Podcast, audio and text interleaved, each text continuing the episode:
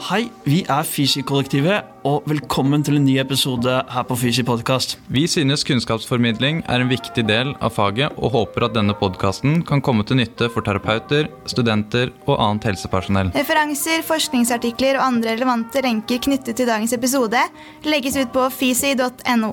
Følg oss gjerne på Facebook og Instagram. Der har vi ukentlig quiz og deler relevant fagstoff. For jeg skjønner at det her må jo opereres. Det kommer jo ganske kjapt. Og jeg kan huske jeg sier jo til mamma at hvis de må åpne meg igjen nå, så vet jeg ikke hva jeg gjør. Da, for da har jeg akkurat begynt å liksom ikke gjøre så vondt at du kunne liksom begynne å vri på det. Eh, stingene er tatt. Det liksom begynner å heles litt i brystet. Og så kommer det inn da dagen etterpå og sier at nei, det, det må jo åpnes på nytt. Det er den eneste muligheten vi har. Ja. oh, fy flate.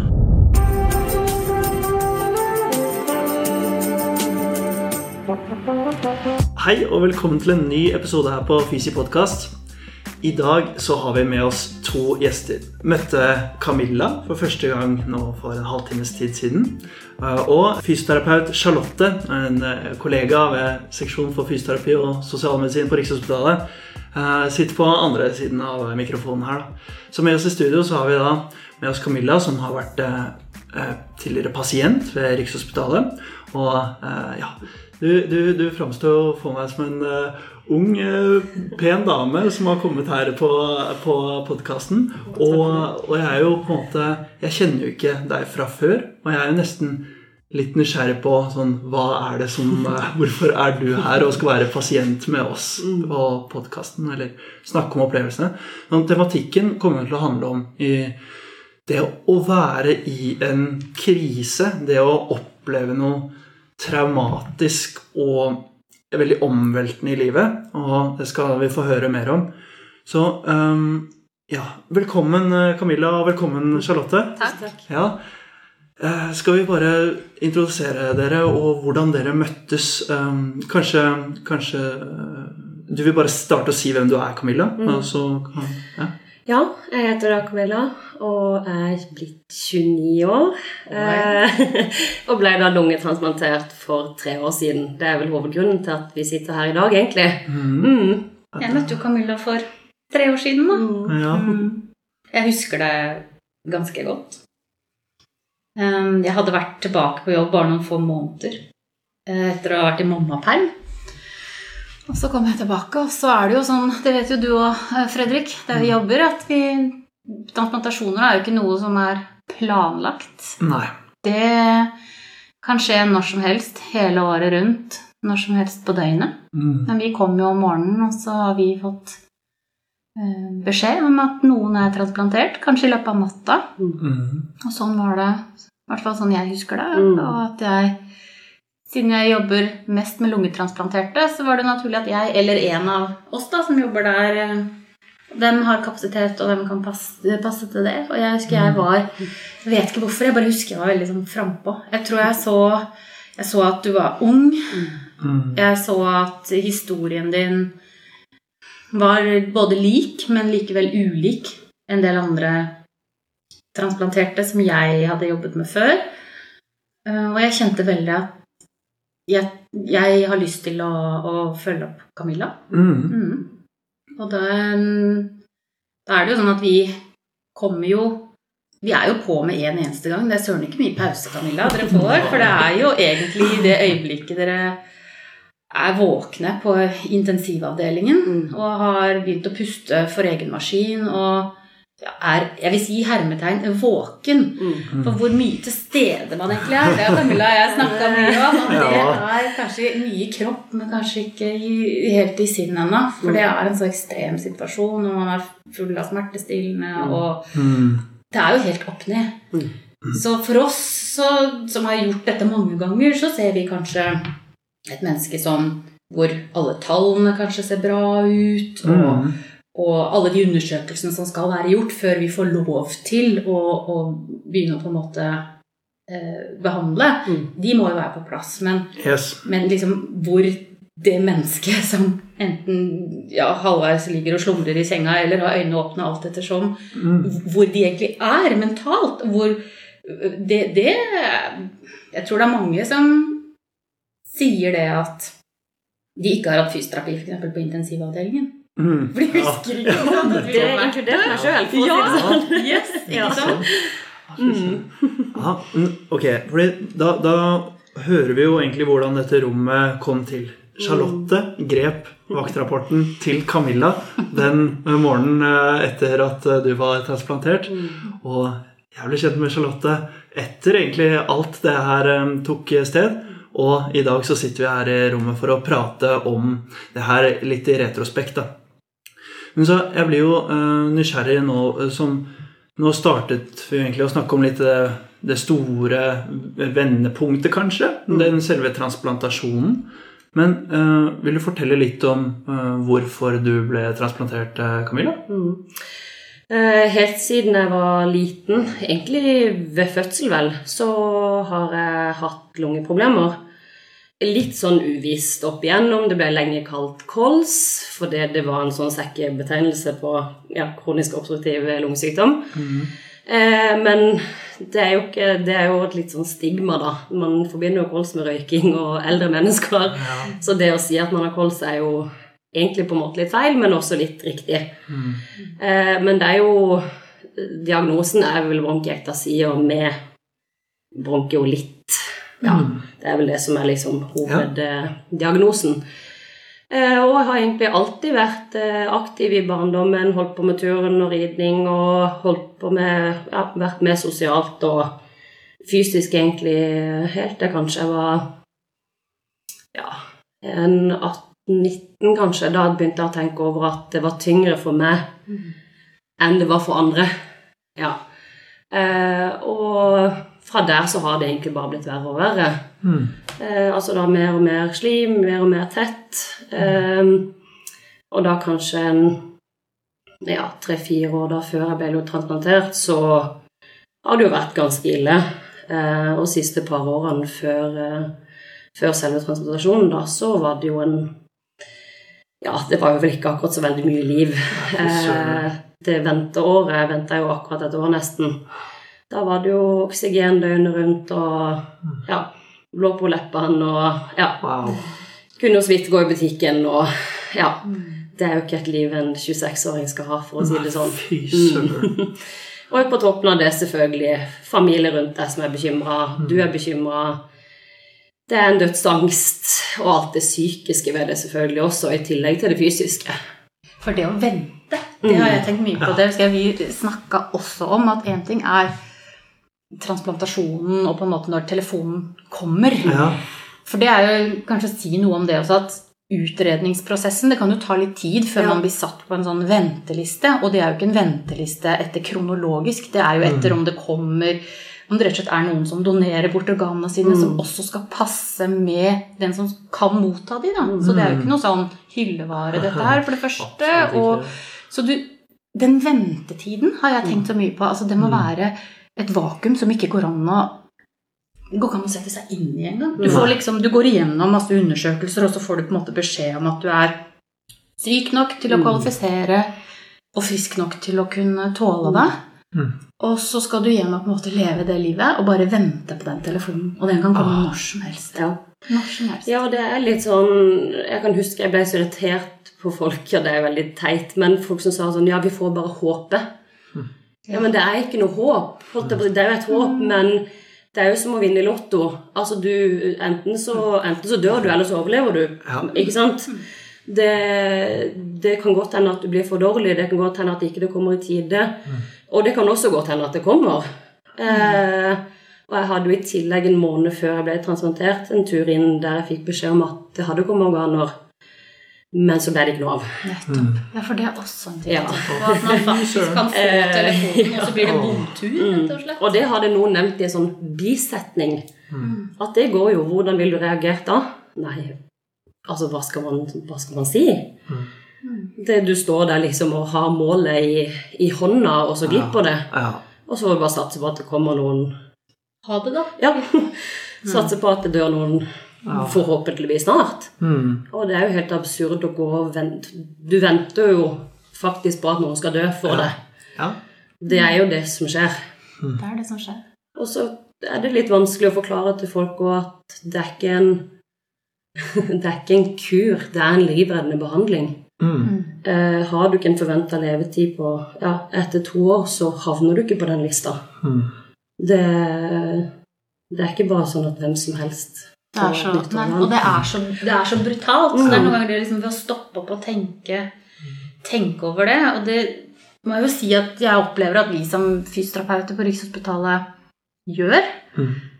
Samtidig så øh, er vi jo i det at vi er på jobb hver eneste dag, vi treffer mange mennesker som er i, i, i samme øh, livskrise. Mm. Og så er det noen som gjør mer inntrykk på en enn på andre. Eller, og det er det med Camilla. Mm. Det, det var Ja. Det er akkurat derfor jeg tenker vi sitter her. Mm. Ja. Er jo fordi jeg har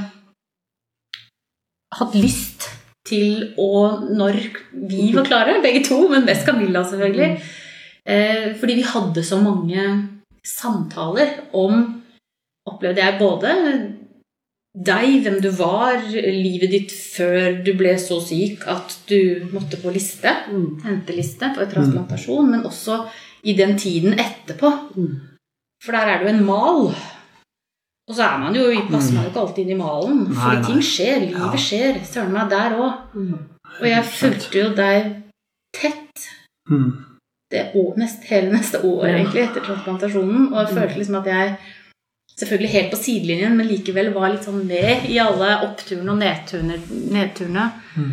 Og mye mer enn kanskje det som kan formidles i øyeblikket, fordi min rolle der og da er jo litt annerledes enn det vi kan på en måte klare å snakke om nå. Mm. En stund etterpå. Både fordi du har fått bearbeidet, og jeg kan også på avstand ikke sant, se Mm. tilbake på ting. da. Mm.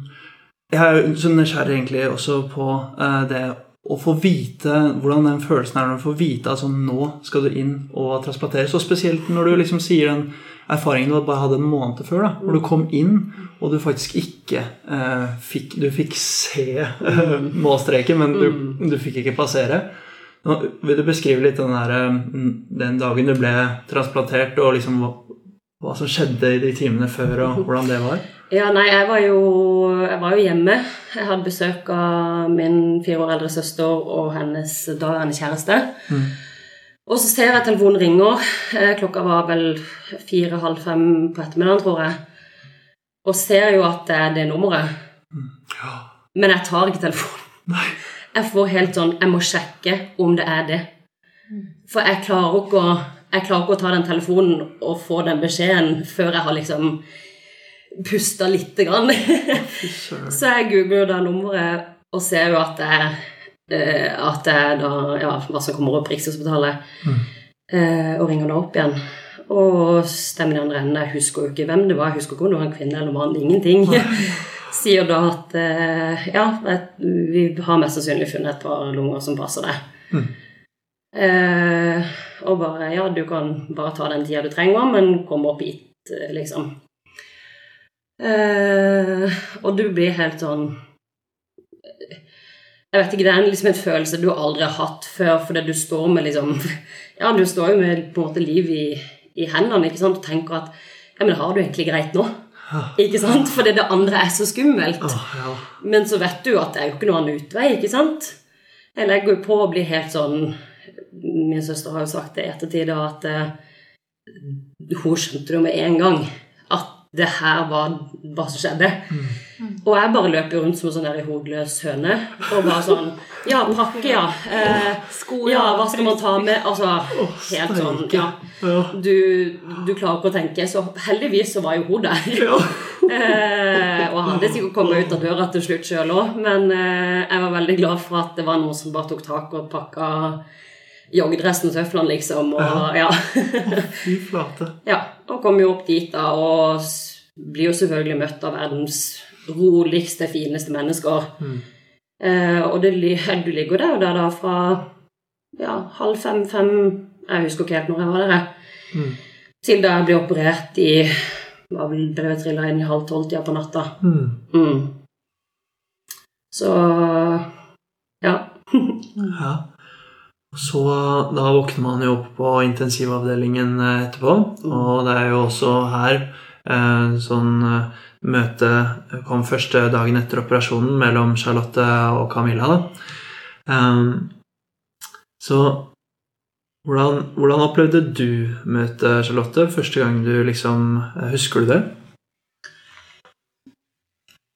Første møte med Camilla Jeg husker veldig godt første møte etter ja, vi kan jo snakke om det senere også, etter operasjon nummer to. Mm. Men første møte kan jeg ikke si at jeg husker som annet enn at um, At det var en ung uh, pasient som, som var liksom Det var litt sånn atypisk. Det var litt Mm. annerledes. Det er jo ikke så mange som er unge og lungetransplanterte. Og jeg husker at jeg tenkte sånn Dette er noe annerledes. Mm. Det husker jeg at jeg tenker, tenkte. Og det jeg husker, er jo at det var jo ikke egentlig noe spesielt ved eh, når, altså den første dagen, for alt var egentlig veldig bra. Mm. Sånn på, på dataskjermen Ja, på veggen som sier noe om pust og puls og alt sånn. Og, Mm. Så det ingenting, det var ikke noe dramatikk Nei. fra vår side. Ja. Og så vet jeg jo at dramatikk Det er jo så dramatikk at det hjelper, på en måte. Ja, Men, ja. men, men fra mitt ståsted som, som helsepersonell og fysioterapeut, så, så Mm. forløper jo den første dagen eh, akkurat sånn som vi har lyst til Ja. at det skal gjøre. Det kliniske og medisinske var liksom ja, riktig. sant. Mm. Og alt var bra. eh, Du hadde masse du, var- ikke sant? Oksygen var fint, du pusta. Mm. Og du er, var jo ung, ikke sant? og det er jo en fordel. Det er bare å ha Ja, ja. på det. Og hjelper deg opp på sengekanten. Eh, veileder deg egentlig, fordi har, man har liksom mista kroppen sin litt. Ja, det ser jeg for meg. Men jeg skjønte veldig fort da, Mm. at Camilla var en person som var, hadde veldig, veldig orden. Ja. Og, og veldig ville, ville klare seg selv. Ja. Være selvstendig. eh, Og her handlet det egentlig om å bare tilrettelegge, sånn at du kunne gjøre tingene sjøl. ja. Det, det bare kjente jeg på at Camilla liksom, Dette var en jente med masse ressurser. Mm. Mm. Det kan vi jo like. Vi liker, Vi det jo det. Vi liker jo det. Og jeg kjente liksom at her var det ikke nødvendig på en måte å løfte deg ut av senga. Mm. Sånn mer på en måte å Og så er det likevel noe å ta med det at selv om man er en person med masse ressurser, da, så er man jo uansett så er man på en intensivavdeling kobla til masse ledninger. Man er helt ute av seg, bokstavelig talt ute av seg sjæl. Mm. Det er en helt Ja. sånn ut av seg selv-opplevelse uansett. Mm. Og så har jo vi også snakket om etterpå, som du sier at Kan ikke huske at Jeg husker ikke noe fra de dagene i det hele tatt. Mm. Nei, og det gjør jeg jo virkelig ikke. Mm. Det første jeg husker, er liksom at jeg var nede på avdelingen Mm. og skulle stelle meg, og jeg skulle gjøre det sjøl. Ja. Det kunne jeg jo bare glemme. Eh, og jeg skulle iallfall ikke bli gjort Eller liksom bli vaska og stelt da av en ung sykepleier. Eh, heldigvis er mammaen min sykepleier, og Ja. det ble mamma som vaska meg da. Ja. Men det var jo liksom tegn på at jeg skulle gjøre det sjøl. Jeg skulle opp og gå sjøl. Jeg ja, skulle bare gjøre det sjøl, jeg. For det her var jo ikke noe big deal. Så jeg bare, har jo bare fått et par nye lunger. Ja. Men det er jo klart at du er jo helt uh, Har blitt fortalt etterpå samtaler jeg har hatt, uh, ting jeg har sagt som både er utypisk meg, og ikke jeg husker noen ting av. Så det er klart at det er jo bare en sånn boble de første ukene, kanskje. Mm. Mm. Men jeg føler jo at også det ligger noe i linje med at det er noe videre som skjer. da. Har vært gjennom en operasjon, og så kommer det på sengeposten, og, og begynner å komme seg litt. Ja, jeg begynner egentlig å komme ganske bra. Jeg begynner å Nå har jeg masse infeksjoner og alt sånn, så jeg ligger jo isolert på enerom. Ah, såpass, ja. Ja. Både litt mage og tarm og litt eh, lunge, Mm. lungeinfeksjoner litt sånn her og der. ja. Eh, men klarer meg egentlig ganske bra, føler jeg sjøl. Det går en Mm. måneds tid, og så blir jeg egentlig veldig tett. Slimete. Eh, ja, lungen, altså lungebetennelse, symptomer. ja. Eh, de tror jo at det er lungebetennelse, setter meg på antibiotika, det blir jo ikke bedre. Eh, og finner da til slutt ut at det er tett fra hjerte til høyre lunge. Mm. Blårene. Mm, Ja, venet, da, som er tett. Ah, Mm. Rett og slett. Ja. Eh, blodtilførsel Ja. til den ene lungen din. Så det er jo ikke sirkulasjon der, og da er det jo ikke rart at det blir litt tett. Eh, Jeg kan huske jeg sier til mamma For jeg skjønner jo at det her må jo opereres. Mm. Det kommer jo ganske kjapt fram, for det er jo tett. Det må jo åpnes. Mm. Og jeg kan huske jeg sier til mamma at hvis de må åpne meg igjen nå, så vet jeg ikke hva jeg gjør. Nei. Da, for det har akkurat begynt å liksom ikke gjøre så vondt at du kunne liksom begynne å vri på det. Mm. Uh, stingene er tatt. Det liksom begynner å heles litt i brystet. Mm. Og så kommer det inn da dagen etterpå og sier at nei, det, det må jo åpnes på nytt. Det er den eneste muligheten vi har. Ja, Å, fy flate. ja. Ja. Og det skjer jo da ganske fort, egentlig. Eh, Så da blir det jo da ja, nesten akkurat en måned etterpå. Mm. Jeg var egentlig på vei ut av sykehus. Jeg var litt hjemme på perm og alt. Å, fy søren. Og så er det tilbake til det jeg føler er start. Ja. Mm. Mm. Men uh, den går jo greit, den operasjonen der òg. Det var jo selvfølgelig mye verre enn de trodde. Mm. Eh, veldig, veldig mye arvevev som ikke de helt vet hvorfor har kommet dit. Det har grodd veldig mye fortere enn det, det skal. Mm. Eh, ja. Og vi er da igjen satt tilbake til null. Ja. Mm. Og jeg husker det veldig godt de dagene før de fant ut akkurat hva det var, for dette er jo ikke noe vanlig. Det er viktig å si noe. Dette er jo ikke det vanlige. Og det også gjorde at det tok litt tid å finne ut av det. Camilla var veldig tydelig på at Men Charlotte, jeg, jeg orker ikke. Det er noe som ikke stemmer. Mm. Og jeg husker at jeg, liksom, jeg tok det veldig på alvor. Jeg tenker sånn, Camilla er ikke en sånn som sier sånn at det bare ikke Altså, det er, det er virkelig noe. Det er noe som ikke stemmer her. Mm. Og jeg husker jeg var veldig bekymra. Mye mer enn det på en måte kunne vise i Mm. samtale. Men jeg var skikkelig bekymra.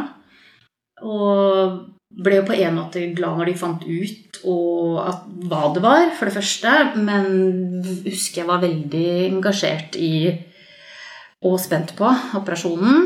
Og at jeg var veldig tydelig at det var ingen andre som fikk lov til å være der når du skulle våkne, og at jeg skulle være der. Og jeg husker at jeg var der, så jeg var på intensiv på rommet når de skulle vekke deg. Mm. Og sto der og sammen med overlegen og ser alt bra ut. Eh, er, ser det, ja, ja, nå ser det bra ut. De var nede og så i lungene dine. Mm. Og jeg bare ok, og så ja, nå vekker jeg henne. Så ja, da står jeg her, for jeg skal søren meg være her. Ja. Ja. Ja. Mm. Uh, og bare fortelle deg at liksom, du er våken, det ser bra ut. Og det fortalte selvfølgelig både Mm, legen og sykepleieren der også, men jeg kjente av en eller annen litt sånn merkelig grunn det var så viktig, for vi hadde liksom jobbet tett den måneden. Og det, det var jo tøft. Den første operasjonen var tøff i seg sjøl, og så skjer dette. Og så tenkte jeg bare sånn Nei, søren heller. Kom igjen. Jeg er her. Vi skal få det til. Og det tror jeg er så viktig å få frem altså at vi som fysioterapeuter vi er veldig ofte de samme. Vi prøver jo det, vi tilstreber det, vi vil jo ofte det. Så jeg tror det at og det var liksom, Så det er viktig tror jeg, både litt for terapeuten og håpet jeg da, for deg og Camilla. Um, ikke minst. Mest for deg. Men Ja, og det å liksom ha et Du har familie, og du har liksom alt det rundt deg, og så har du leger som er det medisinske og eh, snakker ofte et språk som ikke helt du prater. Mm. Og så har du ikke noe Du har ikke noe psykolog, du har ikke noe annen eh, bistand eller hjelp. Du har en fysio, og da blir den fysioen på en måte ditt Hva skal jeg kalle det? Litt sånn anker, da. Det er det eneste mennesket du kan prate med på, som har litt tid til deg, da. Eh, og ja da, det er selvfølgelig trening og alt sånn, men også grunnen til at meg og Charlotte også har kanskje fått et så eh, godt forhold som det vi har, det er jo at du tok deg tid til å Ja, bare du sier at du skal være der da jeg våkner. Det er jo ikke hvem som helst som hadde gjort det, ikke sant? Nei. Nei. Nei. Ja, det er, jo, det er jo veldig interessant at du sier det. Så, så, men hvordan opplevde du på en måte at eh, Charlotte da var din primære fysio som stort sett dukket opp? Var det, ja, det opplevdes som en sånn ankerpunkt? Et trygghet? Definitivt. Og jeg, som vi har snakket om mange ganger òg, at det å ha en fast person som følger den progresjonen fra at du ikke har noen krefter, noen muskler, noen kapasitet egentlig til å gjøre noen ting, til da eh, ja, til du blir skrevet ut, da, om det er en måned eller om det er tre måneder, eller hvor lang tid det er, at du har en person som kommer inn da de én til to ganger om dagen og følger deg opp, eh, som du kan ha litt samtaler med, som er litt mellommenneskelig, ikke bare liksom enten trening eller medisinsk, Mm. ikke sant? Ja. Mm.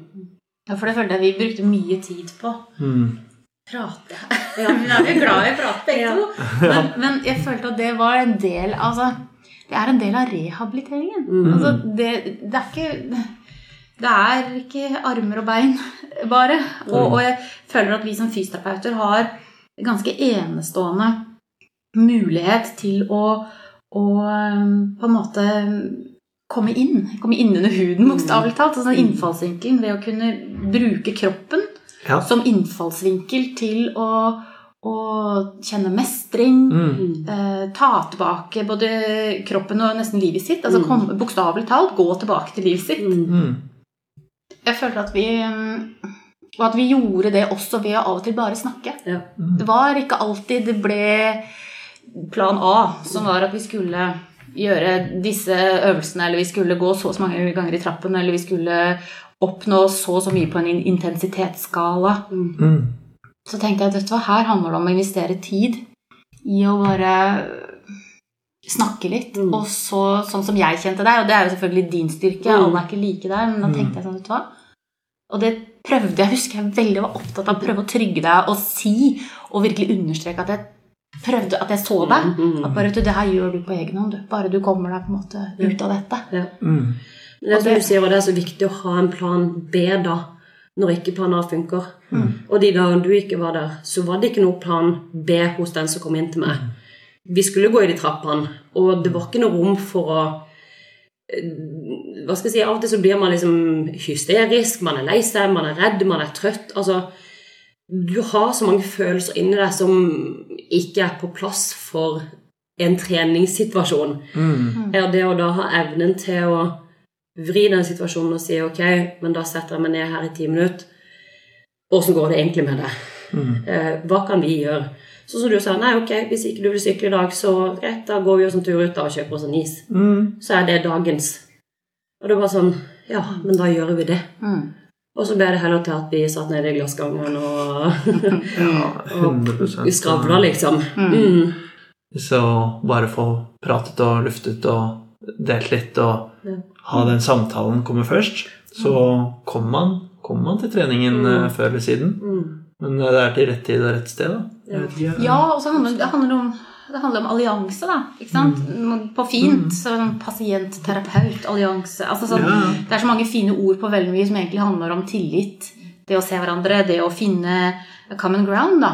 At, hvor skal vi? Og det betyr ikke at jeg ikke sa til Camilla at, at eh, Men vi, vi, er nødt til å gjøre dette Mm. i dag. Hvordan kan vi få det til? Mm. Sant? Kan vi, hva kan vi Hvis vi må prioritere, Mm. Hva gjør vi da? Mm. Ja, og bare det å få den ballen over til deg sjøl, i stedet for at noen sier sånn I dag må du sykle ti minutter. I stedet for å si sånn Klarer du i dag å sykle ti minutter? Tror du vi får fe- fem minutter, i hvert fall? Altså bare sånn Sette terskelen så lavt som du egentlig aldri har satt den før, og bygge det heller oppover derfra, for det er så vondt også som pasient. for du går fra å liksom ha vært Nå er det jo selvfølgelig veldig forskjell på sykdomsforløp og alt, da. Eh, men jeg har liksom alltid vært en, et friskt barn og ungdom, egentlig. Og så går det nedover og nedover, nedover, og til slutt så er det så dårlig at du er på egentlig null. Mm.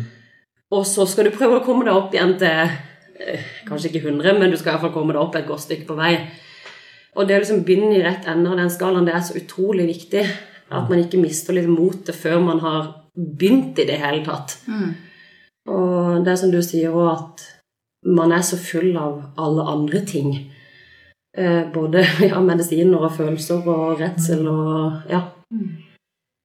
Og så skal man føle seg takknemlig oppi alt i tillegg. Ja, det har vi snakket mye om. Åh, ja, det er jo også en ting, ja. Ja. Det er jo åpenbart at dette er en kritisk situasjon å være i, en usikker situasjon. situasjon.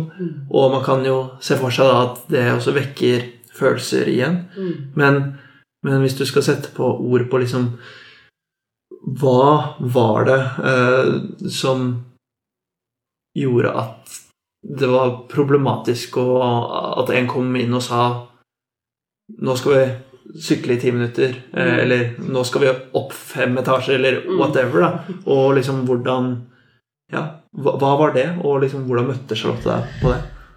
Jeg tror det er egentlig bare den viktigheten av å komme inn og på en måte være litt ydmyk overfor det den personen har gått igjennom.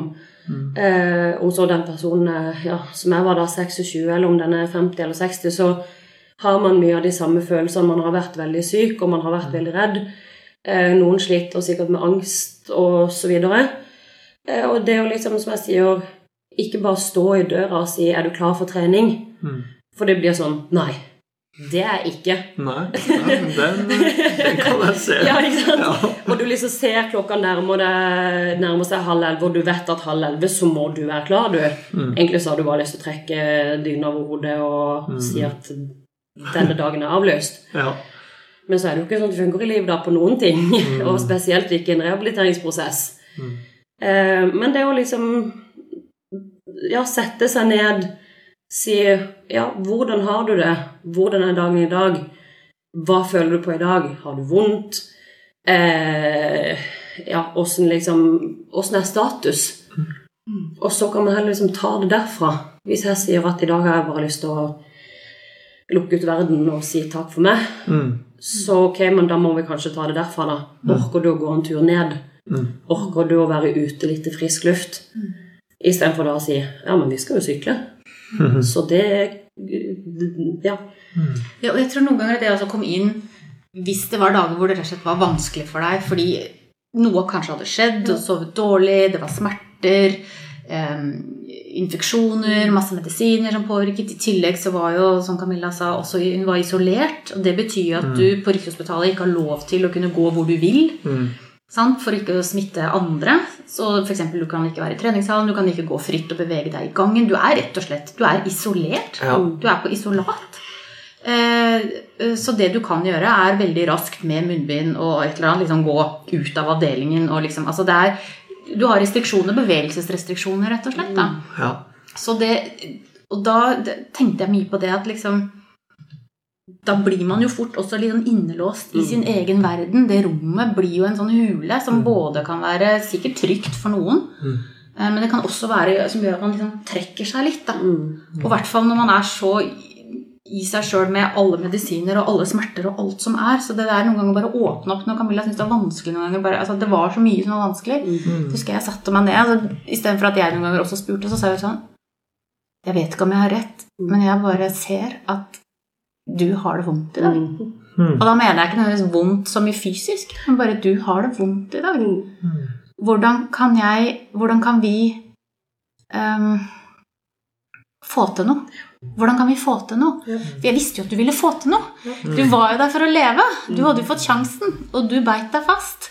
Og da var jeg sånn bare Hvordan For da tenker jeg sånn at den rehabiliteringen, da er, da er den- kvadriceps-styrketreninga veldig lite viktig. Da er det liksom Hvordan kan vi uh, Hvordan kan jeg nesten løfte deg litt ut av det? Eller i hvert fall være med deg i det. Jeg kan ikke gjøre det for deg, men jeg kan være med deg. Og det er jobben. Det er jobben vår Det er det. som fysioterapeuter i en sånn fase som det. Mm. Det er å være med dere. Og den eh, approachen du også beskriver der, Charlotte, den også starter jo med en sånn ydmykhet eh, når du kommer inn i rommet. Eh, at eh, det å liksom skulle ta det ned til å, å, å klare å ytre et, et eget synspunkt. Da. Jeg, jeg syns det ser ut som du ikke har det helt bra i dag. Stem, stemmer det, eller? Fordi, fordi den kan også liksom ordlegges på ganske mange ulike vis som ikke kanskje hadde vært så heldig i utfallet. da. Så det handlet om at vi hadde en slags tillit til hverandre Absolutt. også, selvfølgelig. Og det er jo at man kanskje tar et lite blikk da, i en journal.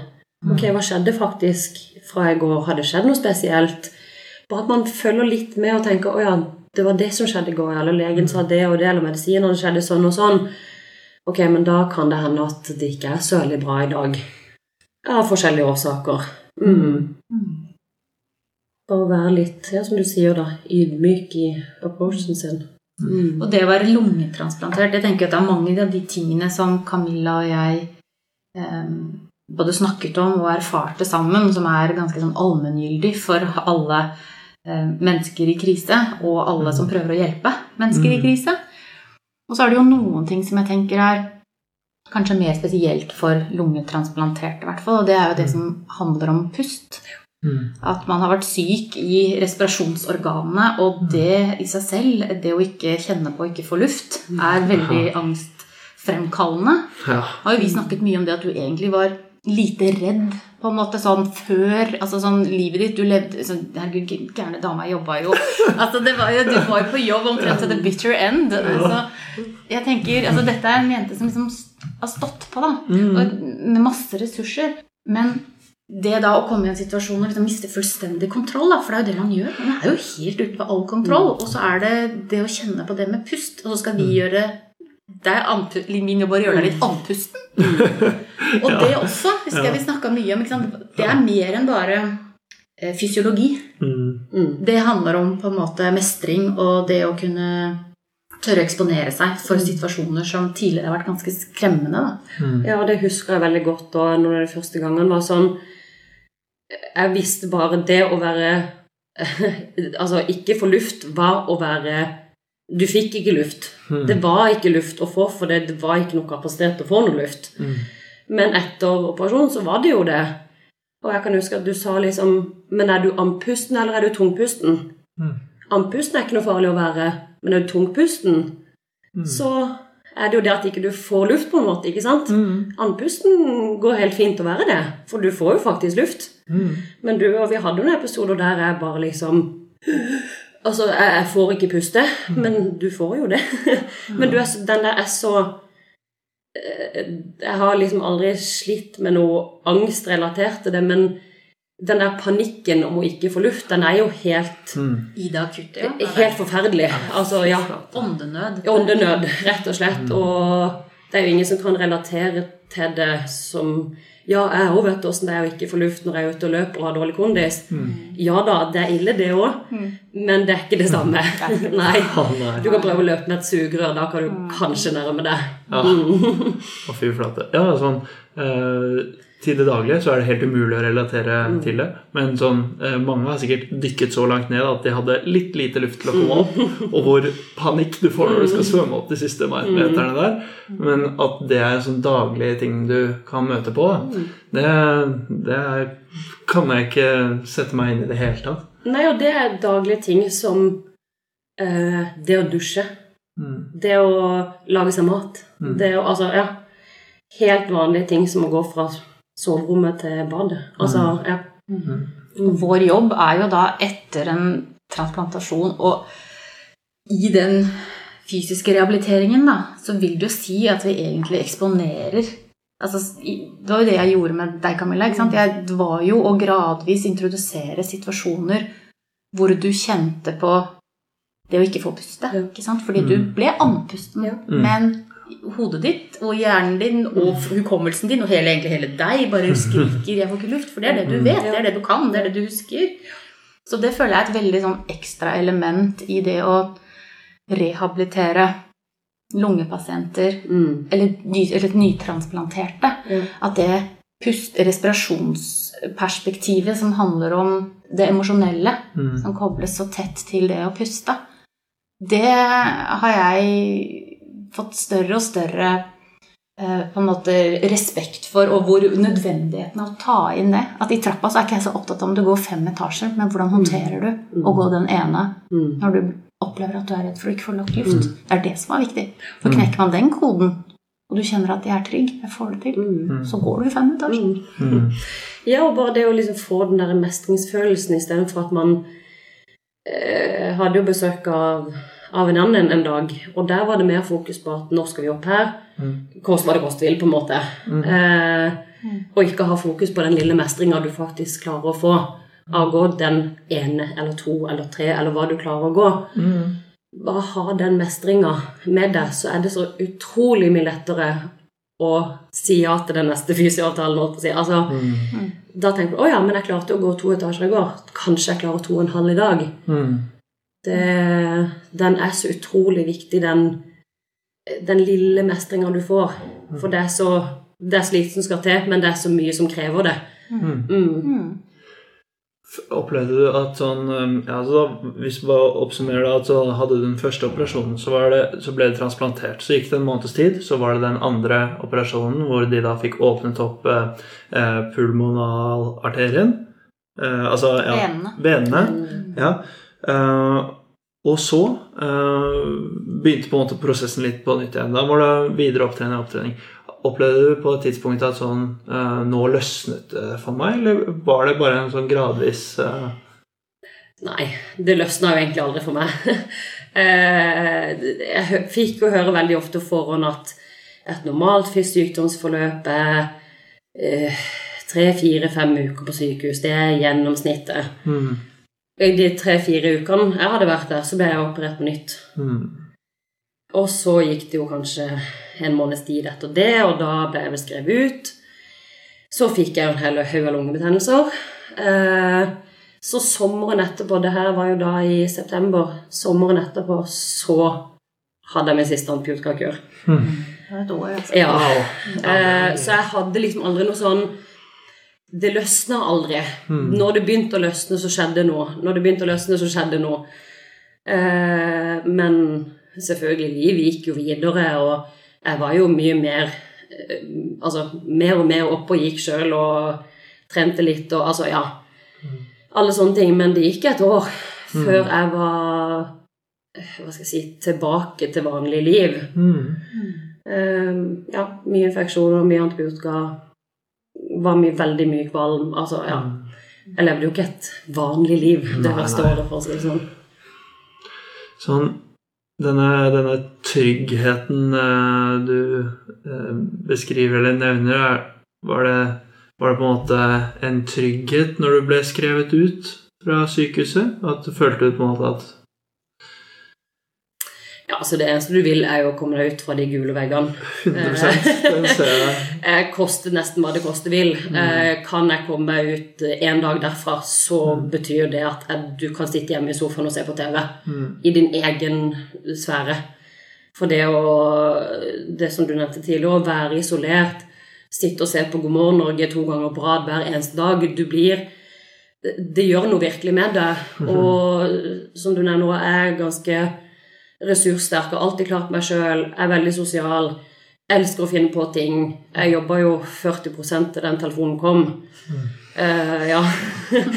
Bare for å ha noe rundt meg som var normalt.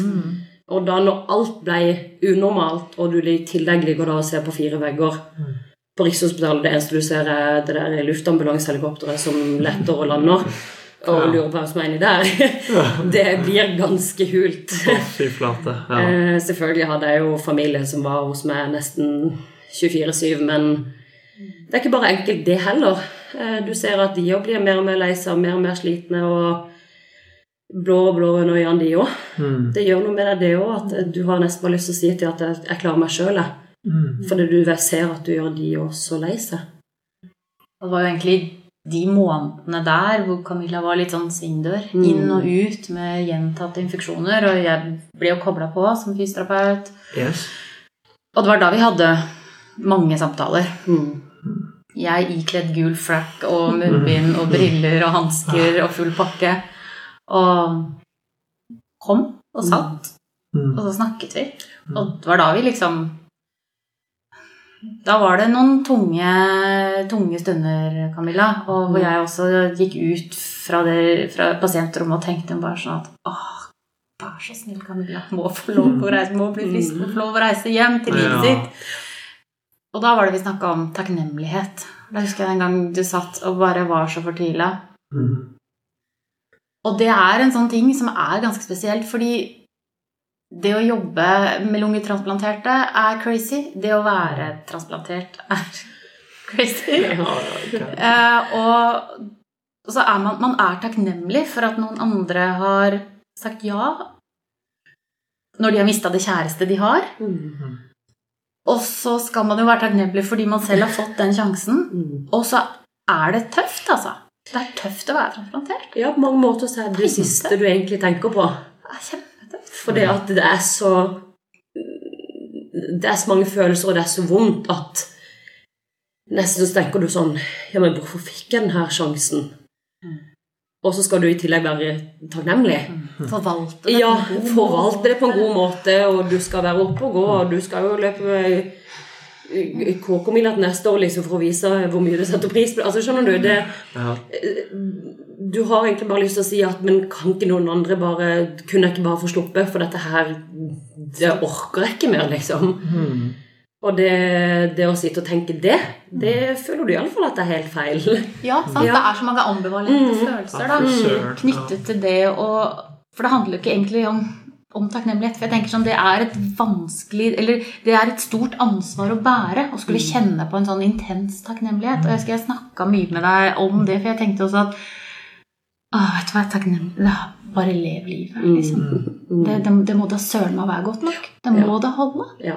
Og det har jo vært tatt veldig til takke nå.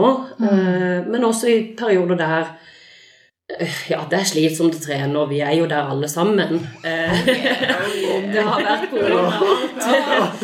Men da kan jeg Det er bedre å spise kanelboller. Ja, det er jo det. Det er det jo for alle. Men da kan jeg plukke, da kan jeg plukke fram den Men nå har du en mulighet til å trene. Nå må du ta den sjansen. Og det er ikke alltid jeg klarer å gjøre det. Det høres ut som Ja, det høres ut som du er frelst, liksom. Men jeg tenker da av og til Ok, men du klarer det siste intervallet for det du kan. Nå må du liksom Tenk på alt du ikke kunne før. Og det har jo både venner og familie og alt sagt at ja, men hvis du klarer å trene deg opp, hva skal jeg gjøre? Jeg sitter her og vanskelig for de Ja. Nei, og liksom, hvis du klarer det, skal jeg sitte her og spise kanelboller, liksom. Altså. Men så, så er det jo ikke sånn det funker heller, for man er jo sin, man er jo sin egen lykkes med alltid. Eh, og den motivasjonen kommer jo fra forskjellige plasser for alle. Men eh, når det, det er jo ofte det slår meg at ja, ok, det er tungt, men du har muligheten til å gjøre det. Og det burde jo kanskje alle ta seg litt i. For det at det, man tar veldig mye for gitt. Mm. Så jeg øh, Jeg hører jo at du har hatt ve veldig mange Eller dere, men primært deg, da, Camilla, har hatt øh, mange runder. Du har liksom sittet på rommet der, hatt tanker, vært øh, redd, ikke visst hvordan det skulle gå. Vært i en sånn innmari kjært situasjon, da. Eh, og så er det jo interessant det med at liksom, ok, ja Eh, Kanskje en dag så føler jeg at sånn eh, da, Nå har jeg det ekstra giret å gå på, siden jeg har på en måte vært i den her. Jeg, jeg ser jo for meg at du må gjennom alt egentlig det vonde og traumatiske med det her, da. Så må du, du må sitte igjen med en helt en stor pakke med positive ting og negative ting, og du har lært nye ting eh, om deg selv, kanskje. Jeg vet ikke om du Ja, man lærer jo ekstremt mye om seg selv. Eh, både på godt og vondt, selvfølgelig. Eh, det er jo ikke noe du unner din verste fiende å gå gjennom. For det, det er Nå vet ikke jeg om åssen andre operasjoner er, men det er kanskje noe av det tøffeste man kan gå gjennom i, i ja, operasjons- og sykdomsøyemed. Både selvfølgelig før og, og etterpå. Eh, og man lærer seg kanskje å tenke at ja, men er det så viktig? Er det så viktig om det er litt vondt her eller vondt der? Du kan jo bevege deg uansett. Eh, men så blir man også kanskje litt sånn eh, kynisk, hvis man kan si det sånn. Eh, andre går og ja, ofte da klager i dine øyne. Men så må man jo ta seg i at ja, men de har ikke vært gjennom det du har vært gjennom. Du har et utgangspunkt som er helt ekstremt. Mens det å ha vondt i ryggen for noen andre, det er det største de har. Eller at de har lagt på seg fire kilo etter korona, liksom. Det, det er det største problemet de har. Så man kan ikke heller bli sånn. Men jeg tror man vokser opp veldig mange, på veldig mange måter, og jeg har kanskje blitt mer klar på hva som er viktig i livet. Eh, og selvfølgelig Det høres veldig klisjé ut, men sette, på, altså sette pris på det man har. Og ikke nødvendigvis tenke fem år fram i tid, ti år fram i tid. Hva skal jeg gjøre da? Hva skal sånn og sånn? Nei, men så glem det, da. Mm. Man er jo bare her og nå uansett. Sant. Ja, og, og, og det derre perspektivet fram. ok. Det blir jo ja, det, er veldig, det er veldig eh, klokt sagt, og det gir jo på en måte som mening når du sier det. Og eh, når man blir syk, så blir jo det eh, perspektivet fram i tid også borte. I det øyeblikket. Ja. Men det har ikke noe å si om du er eh, tynn eller tjukk eller gammel eller ung eller rik eller fattig eller da, da er det jo Da skal du jo bli frisk og, og ja, den prosessen der. Ja, og alle de ytre faktorene i det tidspunktet så handler det om liv og død. Det handler ikke om noen ting annet. Det handler ikke om om du har et stort hus hvis ikke du lever. Det handler ikke om du har masse penger og eh, alt i verden hvis ikke du lever. Du er syk uansett. Eh, Og det tror jeg andre har litt godt av å tenke på, at man, man lever i et veldig jag hele tida om at ting skal være godt og bra, og man skal være vellykka på alle områder. Og så glemmer man kanskje litt å sette pris på at ja, men jeg kan gå på ski på vintrene. Mm. Jeg kan ta meg en tur ut med hunden. Ja. Ikke sant? Og det er jo superklisjé, og det er vanskelig å tenke sånn. Jeg tenker ikke alltid sånn sjøl, men av og til bare sette seg litt tilbake og når man er som mest stressa på jobb og tenker at ok, men det her ordner seg. Det går bra, det her òg. Om ikke det går bra, så har jeg det iallfall Hva er det verste som kan skje Ja. Det er i hvert fall ikke lungetransplant. Nei. Og jeg har blitt veldig sånn Man er sin egen lykkes med. Det er ingen andre som kan gjøre deg lykkelig enn deg sjøl. Eh, om det er at du skal løpe maraton, eller om det er at du elsker å spise fire kanelboller om dagen. Det Samme det. Bare du er lykkelig. Og har et, det livet du selv ønsker deg. Mm. Ja, dæven. Ja, det er Det er på mange måter tøft å sitte og høre på liksom at eh, du deler eh, dine liksom, personlige erfaringer og også liksom Ja, de refleksjonene du har hatt eh, på det. Fordi selv om sånn du på en måte impliserer at det er klisjé, og at det liksom er Men i utgangspunktet så er det bare sånn veldig uh, basalt, Mm. og vi har fort gjort for å liksom overse det. Mm. Og jeg syns jo at uh, Ja, at uh, dette her med å liksom Det er relaterbart også til den rehabiliteringssituasjonen. Det å skulle liksom trene seg opp, og det å ja, øh, være en lykkesmed, da, og ikke bare skulle følge en eller annen oppskrift. Um, Ja, for det er jo veldig styrt av oppskrifter i livet. Du skal ta den utdanningen, skal du få den jobb, så skal du tjene så og så mye. Tjener du ikke så og så mye, så er du sånn midt på treet. Tjener du så mye, så er du sånn og sånn. Det er alltid liksom båser og alltid former og alltid skjemaer man skal inn i. Og det gjelder også rehabilitering, det gjelder også medisiner, det gjelder også egentlig alle aspekter av livet, og sånn må det selvfølgelig være, være for at ting fungerer. Men det å kunne av og til fravike litt fra det og se en litt vei rundt, det syns jeg iallfall Charlotte har vært veldig flink til. Og det å også dele litt av seg selv oppi det. Ikke bare være en, en helse... et helsepersonell. For det er det nok av folk rundt deg som er i en sånn situasjon. Det er ja, spesielt da leger som er de du forholder deg til, de vet du så vidt hva heter, ikke sant?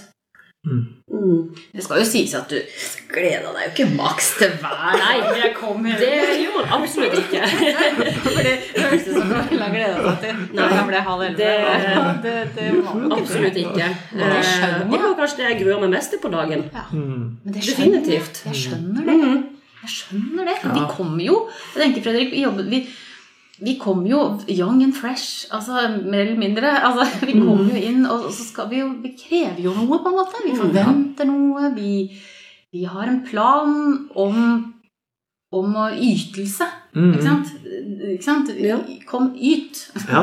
Nå skal du prestere, liksom. Ja, kom litt igjen. Og det handler ikke om at vi altså, Vi setter jo ikke nødvendigvis vi setter, setter vi litt karakter på det, på en måte? Dette var bra. Mm. Vi, vi bruker jo litt sånne betegnelser. Bra, dårlig, mm, mer, mindre. Altså, det er jo liksom Det er en slags normering i det vi gjør. Dette var bra, ja. sier vi. Kan du huske jeg var så sint på den der skalaen? Hvor sliten er du nå? Ja, Ser ti på sånn, Er det viktig, liksom? Og jeg skjønner at det er viktig, men det blir liksom sånn Ja, det skal man òg bry seg om. Ja. Og så ligger man jo der, man er jo i så forskjellige Man er så utrolig forskjellig enden av skalaen. Det kommer inn et sprekt menneske som er fysioterapeut, eh, trener mest sannsynlig mye og liksom Woohoo, her skal vi løpe. Og så er du i andre enden av skalaen. Det siste du har lyst til, er egentlig å stå på senga. Du har lyst til å se episode to, holdt på å reprisen av God god morgen Norge.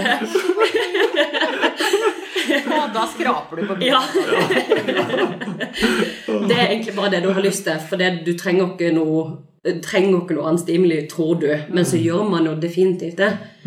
Og jeg hadde vel egentlig en opplevelse av etter nesten hver gang at ok, men det, det gikk jo bedre enn jeg trodde. På grunn av at vi kunne gjøre litt det jeg også følte var riktig. Mm. Fy søren. Um, ok, så um, Sommeren da etter infeksjonen og sånn, eh, hvordan har det egentlig vært eh, nå eh, i etterkant av det? da? Hvordan, hvordan går det med deg nå? Fordi du, du sitter jo her og, og du ser jo helt frisk ut. Du ser ikke ut som du er lungetransplantert. Sånn, jeg kunne aldri ha pekt deg ut og sagt at hun har vært gjennom det forløpet på Rikshospitalet mm. vært så dårlig, liksom. Jeg har aldri klart å, å gjette det. da. Nei. Uh, Nei, og det er jo på en måte godt og vondt òg. Nå går det jo veldig bra med meg, eh, stort sett. Det er litt sånn infeksjoner her og der, men jeg trener og gjør det jeg vil, og får til det jeg vil. Jeg kommer nok aldri til å bli noe, bli noe maratonløper eller noe idrettsutøver, og av og til så henger jeg litt etter på ting og blir mer sliten av ting, men det er helt greit. Mm. Det å være på 75-80 det, det funker helt fint. Eh, og så er det jo selvfølgelig av og til sykehus og medisin, og med det medisin og ni på morgenen og ni på kvelden, men det, det er sånn livet er. Eh, men så er det jo det da, som du sier, ja, du ser jo så utrolig bra ut. Og det har jeg nok på en måte gjort egentlig hele tida. Eh, både da jeg var syk og ja, etterpå, på en måte at jeg kan huske ofte jeg sa sånn Kunne jeg ikke heller bare mangle et bein? For da hadde det vært lettere for folk å forstå hvor syk du egentlig er. Eh, og noen la selvfølgelig merke det. Jeg gikk jo på jobb uten oksygen. Og hadde jo sikkert et par og åtti i metning. For det skulle jo ikke jeg gå på eh, jobb med. For det var jo helt forferdelig. Ja, nei da. Helt koko. Det som vi sa i stad her, og det går jo ganske treigt å i toppblokken når ikke du får luft. Så jeg vet ikke hvor god den jobben var, men jeg fikk jo fall gå på jobb. Wow. Ja, eh, men noen da kommenterte at du ser jo så frisk ut, men jeg ser jo at du er blå på leppene. Eh, og jeg, jeg hadde jo veldig sånn eh, eh, dys- er det det det heter? Sånn, du får veldig sånn inndragninger i, i Ja, du har ja, så, ja, du ser det jo veldig på brystet. Eh, så det var egentlig de to tegnene man kunne se hvis man tenkte etter det. Og selvfølgelig at jeg ble veldig andpusten, da. Det er jo klart. Ja. Men eh, jeg har nok alltid vært veldig god til å skjule det på mange måter, og det er både pluss og minus. Ja. Jeg tror det var det jeg så litt. Det er det jeg liksom mente med det jeg sa den første dagen jeg liksom møtte Camilla. At jeg så at her var det en som ville klare seg. Og det var viktig. Det var viktig for deg å, å kjenne at du klarte det selv. Det hadde noe med din identitet, hvem du var. Og det kan jo være at jeg kjente meg veldig igjen i deg. Og, og, og der, men samtidig i det så Det betyr ikke at man ikke kan være veldig redd og ikke trenger støtte og, og trygghet og styrke. Men, så jeg, jeg Ja, det passer veldig på en måte sånn inn i det du sier, at, at du ikke gikk, at du gikk på jobb uten oksygen. ja, det er helt uh, sjukt. Ja. Men så tror jeg også det liksom Jeg føler litt at det fins Det fins ikke flere enn to typer mennesker, men jeg føler det fins litt to typer mennesker. Det er de som tenker at ok, men da legger jeg meg ned og bare gir opp. Eh, I mange situasjoner. Og så fins det de som står på til de stuper. Av andre årsaker. og jeg er nok i den siste kategorien der som eh, brukte alle kreftene mine på jobb. Og det gikk jo da selvfølgelig utover eh, sosialt liv, eh, spising, alle andre aspekter av livet. Men jeg tviholdt så på det ene som gjorde meg litt normal. For det, jeg ville ikke bli en sånn eh, gammel dame med kols og oksygen. det var det bildet jeg hadde hvis jeg gikk med oksygen, så ble jeg plutselig hun med oksygen. Ja. Og det ville ikke jeg identifisere meg med, for det var så langt ifra min mitt bilde av meg sjøl. For jeg, jeg var jo veldig, veldig alvorlig syk, men eh, allikevel så var jeg jo meg. Ikke sant? Det er en veldig sånn identitetskrise å bli så syk. I hvert fall når du er så ung også. Ja, Sikkert når du er ja. voksen for all del. Helt sikkert. Er, egentlig skal være på toppen av livet. Ja, du er 26, du liksom bare skal fly ut i verden og være på alle festene du kan være på, og ja, gjøre hva du vil. Og så sitter jeg der hjemme og klarer så vidt å spise et knekkebrød til middag fordi jeg er så sliten. Ah, søren. Ja. Ja. Dæven, da. Mm. Ja, uh, jeg, jeg, jeg blir på en måte litt sånn øh, målløs av å tenke på disse tingene og vet liksom øh, nesten ikke hva jeg skal si, men, men jeg, jeg, jeg syns at det er utrolig modig av deg og flott av deg å komme her og prate med oss og, og dele. Fordi ja, det er, det er en sånn viktig wake-up call å høre slike ting. Og jeg tror det spesielt er viktig for oss som jobber med eh, pasienter som er i ulik grad av krise. Nå har vi hørt eh, en, en outlier, en som ligger helt på liksom ja, sidestykket av uten ja, det, er, det, er, det er en helt sinnssyk eh, krig du har vært igjennom. Ja. Så og jeg jeg er veldig glad for å høre at det går bra med deg nå også. Um, det er, det noe dere tenker at vi burde fortelle til våre kjære lyttere før vi liksom runder av dagens um, episode? Som fysioterapeut så kan jeg vel si at um, møtet med Camilla og um, alle samtalene og det å få fått lov til å være med er, er, har vært og er et privilegium. Mm. Og det gjør det veldig, veldig meningsfullt Mm. å være, være fysioterapeut. Mm. Ja, og jeg kan jo bare stille meg i den rekka at man skal aldri undervurdere um, viktigheten av å spørre hvordan noen har det. Mm. Og tenke liksom litt forbi det, forbi det skjemaet, da. Mm. Jeg tror man kommer så utrolig langt med å bare sette seg ned og spørre litt ordentlig, og kanskje dele litt av egne erfaringer og litt av eget liv, hvis man har mulighet til det. Mm. For man har alle en historie, man har alle et liv.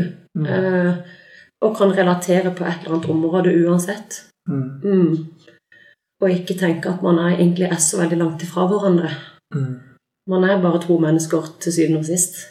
Mm. Det er veldig eh, godt poeng, og det er også den, det du beskriver her, noe av det jeg liksom nesten sitter mest med sånn Kjenner det innerst i meg nå. At sånn, vi må til det basale, det medmenneskelige. Det er Én ting er å ha et mål, skulle jobbe mot noe. Det er greit, det, men, men det å liksom bare ja, Start med mennesket først, da, og så tar vi, tar vi det derfra. Tusen takk for at jeg fikk eh, spille inn podkast med dere. Det var, veldig fint å høre, høre deres historie. Så takk for det. Og så sier vi ha det bra for denne gang på Fysi podkast. Så ha det bra. Ha det. Ha det. Ha. Ja, sånn er sånn. Ja, det er. Veldig bra. Ok. Takk for at du hørte på Fisi podcast. Håper du likte denne episoden. Følg oss gjerne på Facebook og Instagram. Der har vi ukentlig quiz og deler relevant fagstoff. Vi selger T-skjorter og annet merch på fysio.no.